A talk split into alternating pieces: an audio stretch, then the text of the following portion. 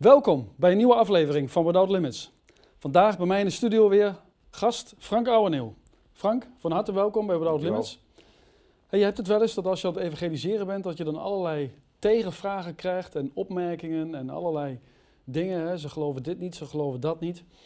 En daar gaan we het vandaag over hebben. Over hoe je moeilijke vragen moet beantwoorden als je aan het evangeliseren bent. Nou, dan lijkt het me leuk om straks eh, een, eh, een soort eh, rollenspel te doen. Hè? Dat, ik wat, dat ik wat moeilijke vragen ga stellen en eh, dat jij daar gaat antwoorden. Want jij bent eh, de man die veel eh, vanuit het woord weet, veel gestudeerd hebt en volgens mij ook al die moeilijke vragen kan beantwoorden. Maar ik heb ze ook ooit allemaal gehad. Ja? Dus toen ik, ja, toen ik een, een jong, een jonge gelovige was en collega's kreeg, of medestudenten, en met ze over het evangelie sprak, kreeg ik al deze vragen.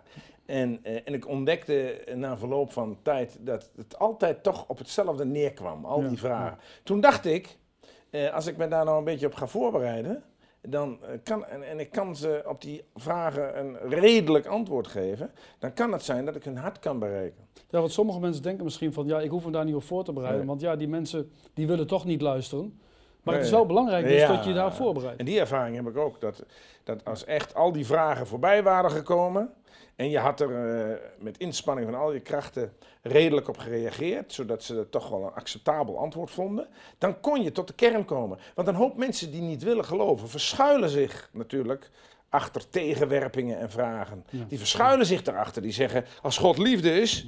en er is zo'n ellende in de wereld. dan hoef ik God niet. Ja. Dat is een soort alibi. Maar als jij dat kan uitleggen, dan kan het zijn dat iemand gaat nadenken. Dus ik geloof wel dat je erop moet voorbereiden. Paulus zegt in Romeinen 10, hoe zullen zij in hem geloven van wie ze niet gehoord hebben? Ja. Dus we moeten het wel vertellen, maar we moeten rekenen op tegengas. En de Bijbel zegt ook, hè, geloof, geloof komt door het horen van het woord. Ja. En dat is niet alleen door de Bijbel, maar ook door ons woord, wat Juist. wij getuigen. Ja. Nou, zullen we eens een paar van die vragen en tegen- tegenwerpingen Ja. bij de kop nemen? ja, ik ben Dat benieuwd. is misschien een leuk idee. Nou, een van de vragen die je vaak krijgt is dat de Bijbel niet 100% waar is en eigenlijk vol tegenstrijdigheden staat.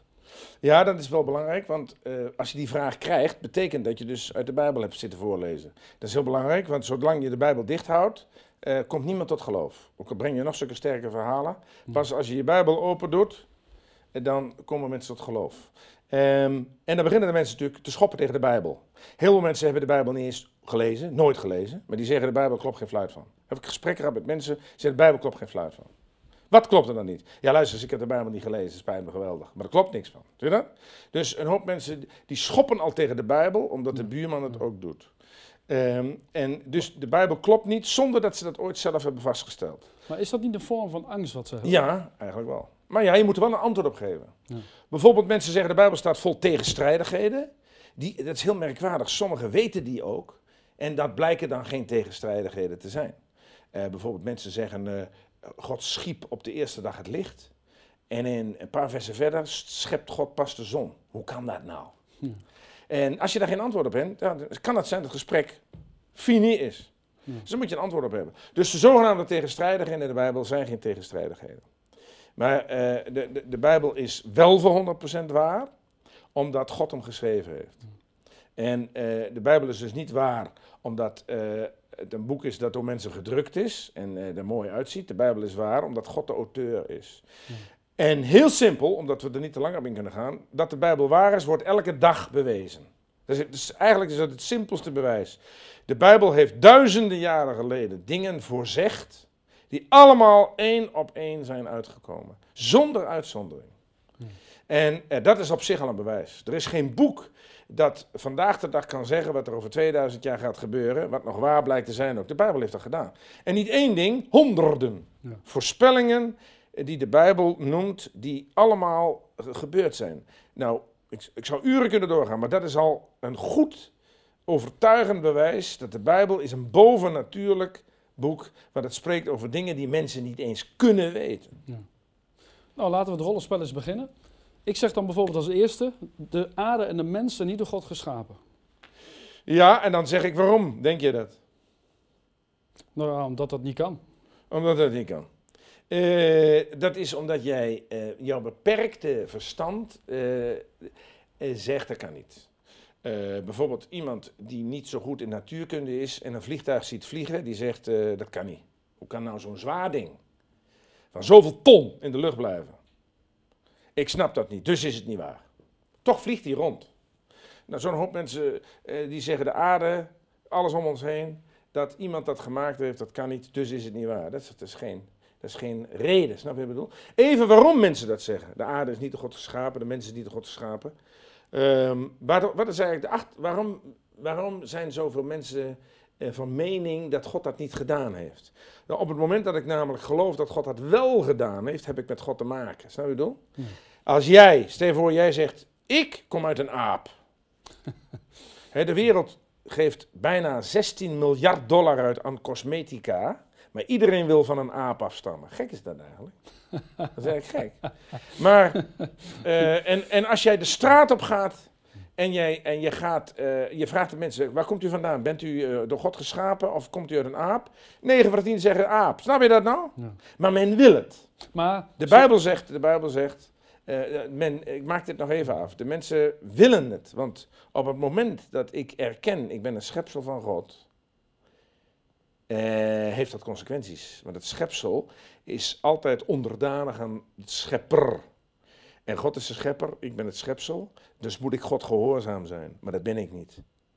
Dus gaat de schepper over mij oordelen. Op het moment dus dat iemand gelooft, ik heb een schepper boven mij, betekent dat dat ik met die schepper rekening heb te houden. En dat wil een mens niet. Er staat in Psalm 10, de goddeloze met zijn neus in de hoogte, staat recht, in zijn arrogantie zegt, er is geen God. Is één. En de tweede zegt hij, hij vraagt geen rekenschap. Met andere woorden, ik kom uit een aap. Ik, eh, er is geen God, dus ik heb ook aan niemand verantwoording over te af te leggen. Dat is de diepere achtergrond van eh, het geloof dat een mens denkt, ik kom uit een aap. Ja. Maar vraag je nou aan zo iemand, ik vraag nou aan jou, eh, dat geloof jij echt? En, en, en, en nou, dat is wat ik geleerd heb. Evolutietheorie. ja, wat je geleerd hebt, de evolutie. Ga de straat op en, en je vraagt de mensen, geloof in de schepping en evolutie? Iedereen gelooft in evolutie, maar er is nooit iemand die er zich in verdiept heeft. Ik heb nog nooit iemand ontmoet die er zich in verdiept heeft.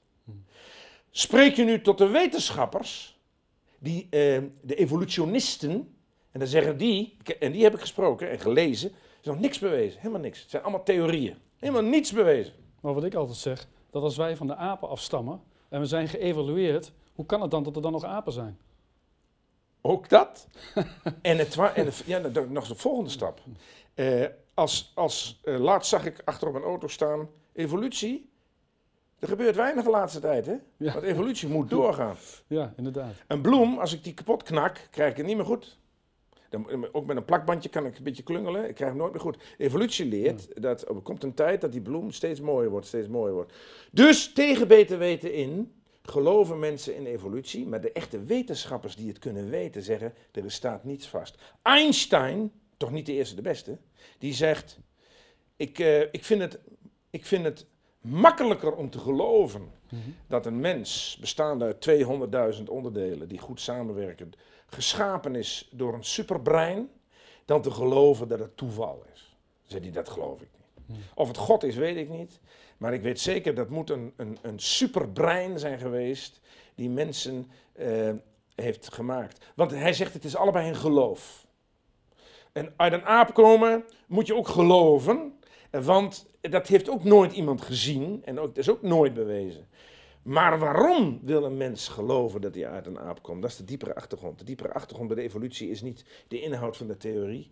De diepere achtergrond bij de evolutiegeloof is waarom wil men dat zo graag geloven? Omdat zodra ik geloof in God de schepper, heeft dat ogenblikkelijk consequenties. En dat is, dat is de clue eigenlijk. En als we kijken naar de zonde, hè, dan zou ik kunnen zeggen, waarom voorkwam God dan de zonde niet? Als hij zo almachtig dat je is. het over de zon had. Zonde. De zonde. Hè? Ehm, ja, dat is ook een, die vraag hoor je ook veel. Je zegt tegen de mensen, je bent een zondaar. Je gaat verloren. En dan zeggen dan een hoop mensen, ja, maar God die kan toch alles? God had toch makkelijk kunnen voorkomen dat mensen gingen zondigen? Ja. Ja, dat had God wel kunnen doen, ja. God had eh, een, een mens kunnen maken, een robot, aan een touwtje. Of aan een afstandsbediening. Nu ga je links, nu ga je rechts. Dat gaat binnen drie weken vervelen. Als dat ouders kinderen zouden hebben die aan een afstandsbediening liepen. eh, nu ga je huiswerk maken, nu ga je kamer opruimen. Dat lijkt leuk, eh, dat is ook leuk, maar na drie maanden gaat het de keel uithangen. God wilde mensen die uit eigen vrije wil hem zouden gehoorzamen. Die niet eh, een lijstje hadden met instructies, of die niet aan een touwtje liepen of aan een afstandsbediening, maar die een vrije wil kregen en die ze mochten doen en laten wat ze wilden. En God heeft uitgetest of ze die vrije wil uit liefde tot hem zouden gebruiken tot zijn eer. God is een God van relaties. God is geen God van robots, maar van relaties. En God heeft de mensen een mogelijkheid gegeven om gehoorzaam te zijn en ongehoorzaam te zijn. En God, omdat hij een God van relatie en liefde is, eh, wilde testen of de mens eh, God een wederliefde zou geven. En of de mens die vrije wil, waarmee, waarmee God ze had geadeld, of de mens die zou gebruiken om God vrijwillig gehoorzaam te zijn. Wat is er nou mooier voor ouders als kinderen vrijwillig gehoorzaam zijn? Ja. En wat was er mooier voor God als de mens vrijwillig God gehoorzaam zou zijn? En God heeft een test ingebouwd. Het was een heel makkelijke test, want er stonden in de hof honderdduizend bomen. En ze mochten er aan 99.999 komen, behalve aan die ene. Dus dat is niet zo moeilijk. Maar de mens heeft die ene boom opgezocht om willens en wetens God ongehoorzaam te zijn. En daarmee, eh, eh, en, en, en die test heeft God ingebouwd om te weten hoe de mens die vrije wil zou gebruiken. Maar wij mogen God nooit iets kwalijk nemen, want God heeft ook voor de oplossing gezorgd. De mens is, heeft gefaald en God heeft ogenblikkelijk, al in het derde hoofdstuk van de Bijbel, eh, voor een oplossing gezorgd. Maar God wilde mensen met een vrije wil. Maar kun je daar dan ook zeggen dat hij het heeft toegelaten dat de slang, de duivel, dus Eva verleiden? Mocht verleiden? Ja, ja dat heeft God toegelaten. ja. Hmm. Eh, eh, God heeft niet, niet de hand erin gehad, maar God laat veel toe. Op deze aarde gebeuren verschrikkelijkste dingen die, eh, die, die God toelaat. Maar God grijpt op een dag in. Zo heeft God dat toegelaten. En ook, ook toen had Adam en Eva de vrije wil om tegen de Satan te zeggen: Je kunt de pot op. Ja. Maar dat hebben ze niet gedaan. Nou, iedereen zegt altijd, eh, God is liefde. Maar als God liefde is, dan stuurt hij ook niemand naar de hel. Ja, God is liefde, maar dat is de helft van de waarheid. Je kunt eh, tegen jou, eh, je, kunt, je hebt een hele mooie auto, dan kan, kan ik zeggen, jouw auto heeft wielen. Dus kan die rijden. Maar dat is met de helft van de waarheid, want die auto heeft ook een motor. En als die motor kapot is, dan kan hij wel wielen hebben, maar die kan die toch niet rijden. God heeft twee kanten. Mhm. En men heeft het altijd over die kant van liefde. En dat is fout. Want God is namelijk, behalve liefde, en met een even groot deel rechtvaardig. In de Bijbel staat vaker dat God rechtvaardig is, dan dat er staat dat hij liefde is. Ik geloof dat er in de Bijbel keer of drie staat dat God liefde is. En duizend keer dat hij heilig is en rechtvaardig. Gods rechtvaardigheid zegt, mensen hebben gezondigd. En moeten verloren gaan. Ik heb ze gewaarschuwd. Ze hebben niettemin gezondigd, ze gaan verloren. Maar de andere kant van God was Gods liefde, die zegt van nee, nee, nee, ik wil de mensen dat oordeel besparen. Nee, zei Gods heiligheid, dat gaat niet, zij gaan verloren. Ja, zei Gods liefde, ik wil ze sparen. Nou, daartussen moest een, eh, daar, daartussen moest een eh, oplossing komen. En dat is het kruis van Golgotha. Aan de ene kant eiste Gods rechtvaardigheid oordeel over de zonde. Hel, wat jij zei. Maar de liefde van God zei nee, ik, ik, ik wil de mensen dat oordeel besparen. En daartussen stond 2000 jaar geleden het kruis van Golgotha. Daar heeft de Heer Jezus de prijs betaald van Gods rechtvaardige eisen. Tot de laatste cent heeft Jezus die betaald. Waardoor het mogelijk werd dat Gods liefde uitging naar mensen die in de Heer Jezus geloven. Dus God is liefde, maar het is de helft van de waarheid. Ja. En dat is een hele rare redenering. Als God liefde is, ja, God is niet alleen liefde, God is ook een rechtvaardig God. En ik heb wel eens geëvangeliseerd. Hè? En toen kreeg ik een keer het volgende antwoord. Ik zei van, nou, hè, als, je, als je Jezus niet aanneemt als je persoonlijke verlosser, hè, want iedereen die in hem gelooft heeft eeuwig leven, dan ga je verloren, dan ga je naar de hel. En toen zei die persoon, ja, maar ik geloof ook niet in de hel. Heeft u pech? Want, eh, Maar dat is wel, dat is wel een antwoord waarin je dan heel moeilijk nog iets kunt zeggen. Jawel, maar, ja, maar hij is, hij is, hij is, hij is pech. Eh, dat- Want hij kan allemaal niet in de hel geloven, maar dat wil niet zeggen dat de hel niet bestaat. Nee. Als iemand bekeurd wordt door een politieagent, dan kan iemand zeggen, ik geloof niet in politieagenten. U, u staat dan nu wel met bekeuring uit te nemen, maar ik geloof niet in politieagenten. Ja, zit politieagent, het spijt me dat je niet gelooft, maar ik ben er wel een. Er staat in de Bijbel, eh, de poel van vuur, er staat in de Bijbel dat de Heer Jezus het heeft over de hel. Eh, Dat iemand er niet gelooft, dat is, dat is een beetje dom. Een beetje dom, zou Maxima zeggen, want het staat wel degelijk in de Bijbel. Laten we het zo zeggen, ik zou het risico maar niet nemen. Dus als er iemand tegen mij zegt, ik geloof niet in de hel, zeg ik, ja, dat kunnen we wel zeggen, maar ik zou het risico niet nemen. Stel je voor, een vliegtuig vliegt, eh, stijgt op en de piloot zegt, er is 50% kans dat het vliegtuig neerstort. Niemand stapt in. Dat denk ik niet.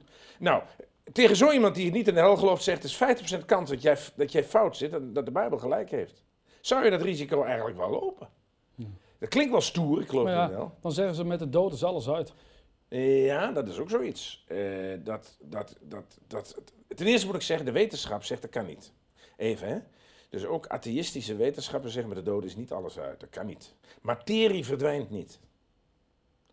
Ehm, als je een druppel in, in het hete woestijnzand laat vallen, dan zou je zeggen, die druppel, die druppel water is weg. Maar die druppel die blijft bestaan en die gaat in een andere vorm over. Materie in deze, op deze aarde verdwijnt nooit. Eh, Job zegt, als een boom omvalt, dan schiet hij weer uit. Je zou zeggen, hij is dood, maar hij schiet weer uit. Zou een mens dan ook niet herleven? Dat wil zeggen, God is eeuwig. Dat zegt de Bijbel vaak. Wel nu, dat is één, God is eeuwig. God heeft alles geschapen. Alles wat God heeft geschapen is dus eeuwig. God, dat klinkt een beetje gek, maakt geen dingen die tijdelijk zijn. Alles wat God heeft gemaakt is eeuwig. De vraag is alleen, als het om een mens gaat, waar brengt hij die eeuwigheid door? Dus ook een mens die niet in God gelooft, blijft eeuwig voortbestaan. De dood is niet meer dan de overgang van de ene ho- hoedanigheid, de ene status in de ander. Eh, de Bijbel zegt in Hebreeën 9, het is de mensen gezet eenmaal te sterven. Of je het nou leuk vindt of niet, je moet sterven. Er zijn grapjes in Nederland, er zijn twee zekerheden, dat je belasting moet betalen als dat je sterft. Maar met de dood is niet alles uit, want God heeft de mensen geschapen als een eeuwig wezen. Met na de dood gaat het door.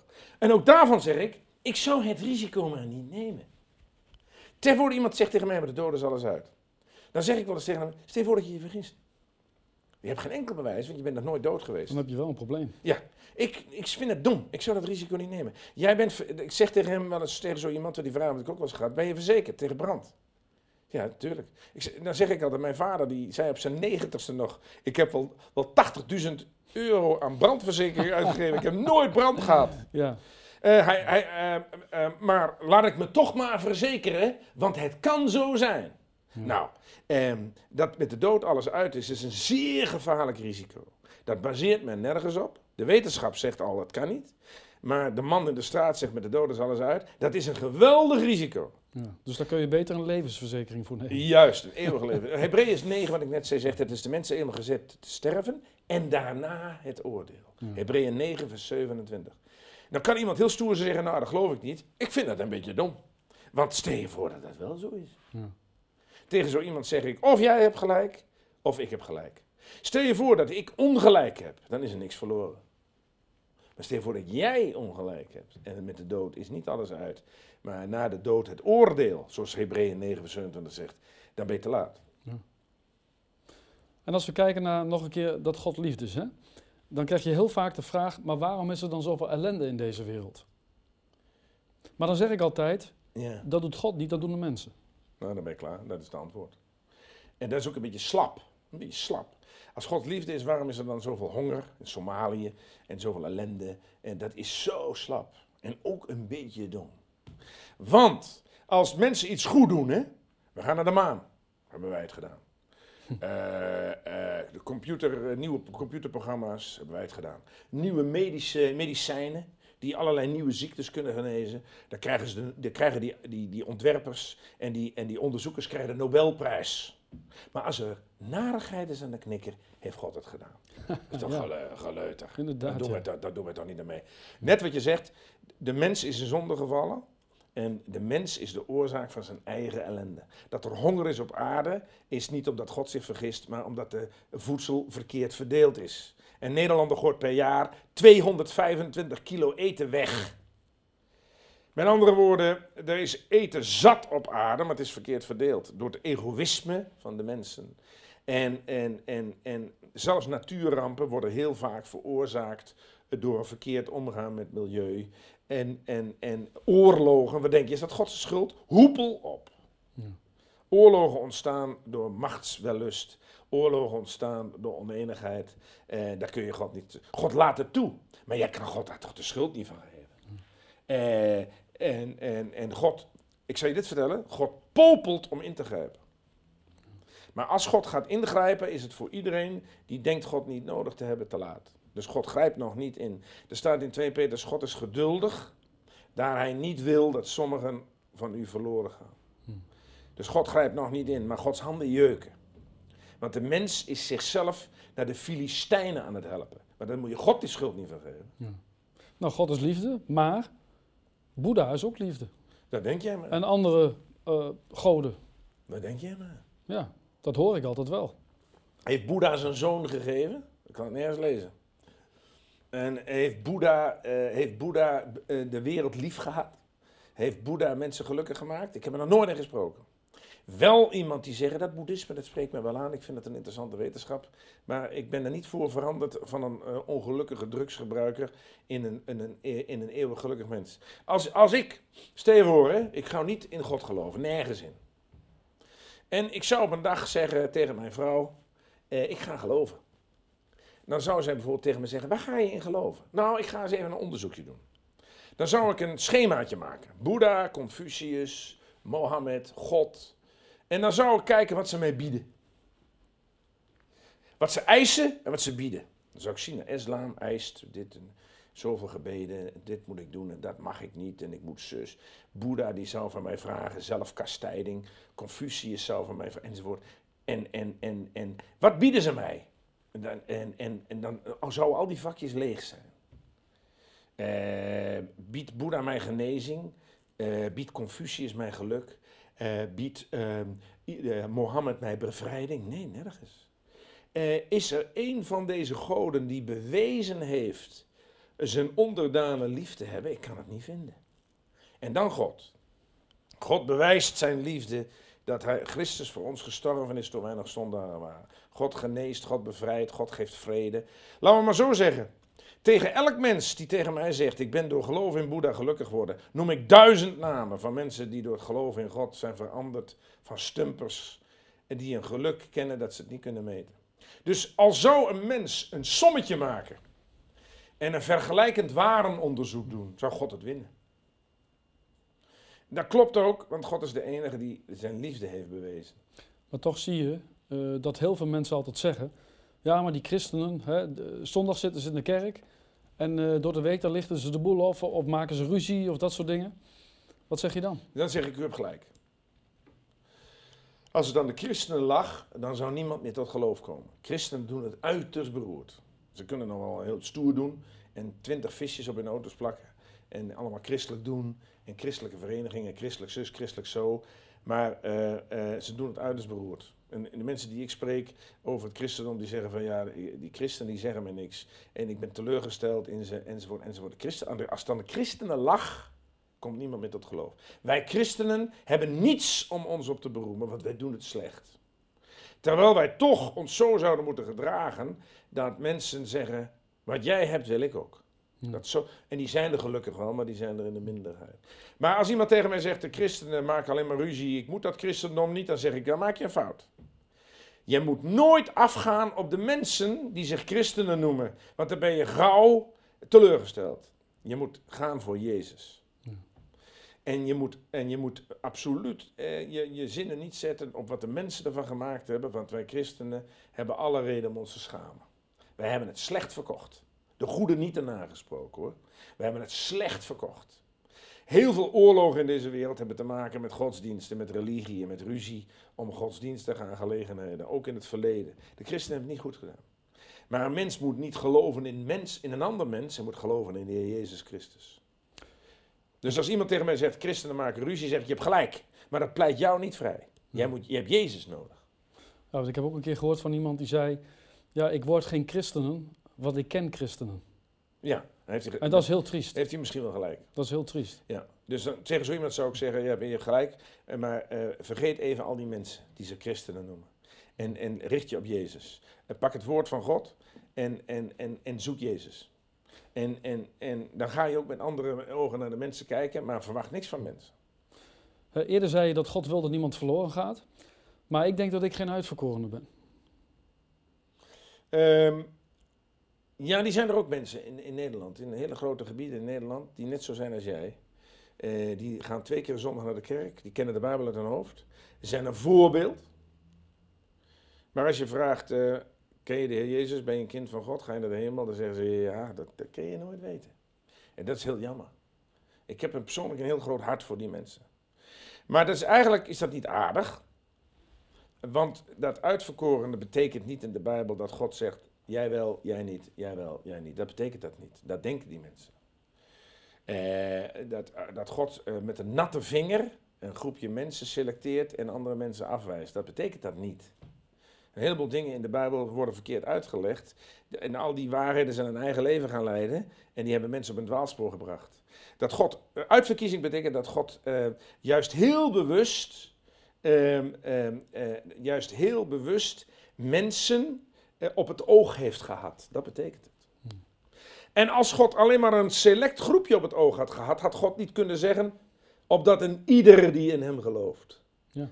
Dat er staat, ehm, daar staat in de Bijbel bijvoorbeeld ehm, dat eh, en iedere die de naam des Heeren aanroept, zal behouden worden. Stel je voor dat dat niet gold voor ieder, dan is God een leugenaar. Dan zou er staan, elk mens die uitverkoren is, als die de naam van God aanroept, zal die behouden worden. Staat er niet, ieder. Het Nieuwe Testament wemelt van de teksten waarin staat, ieder. En ieder die gelooft, gaat niet verloren, maar heeft eeuwig leven. Opdat een ieder die in hem gelooft, enzovoort. Eh, ik ben de deur, zegt de Heer Jezus. Indien iemand door mij naar binnen gaat, wie hij ook is.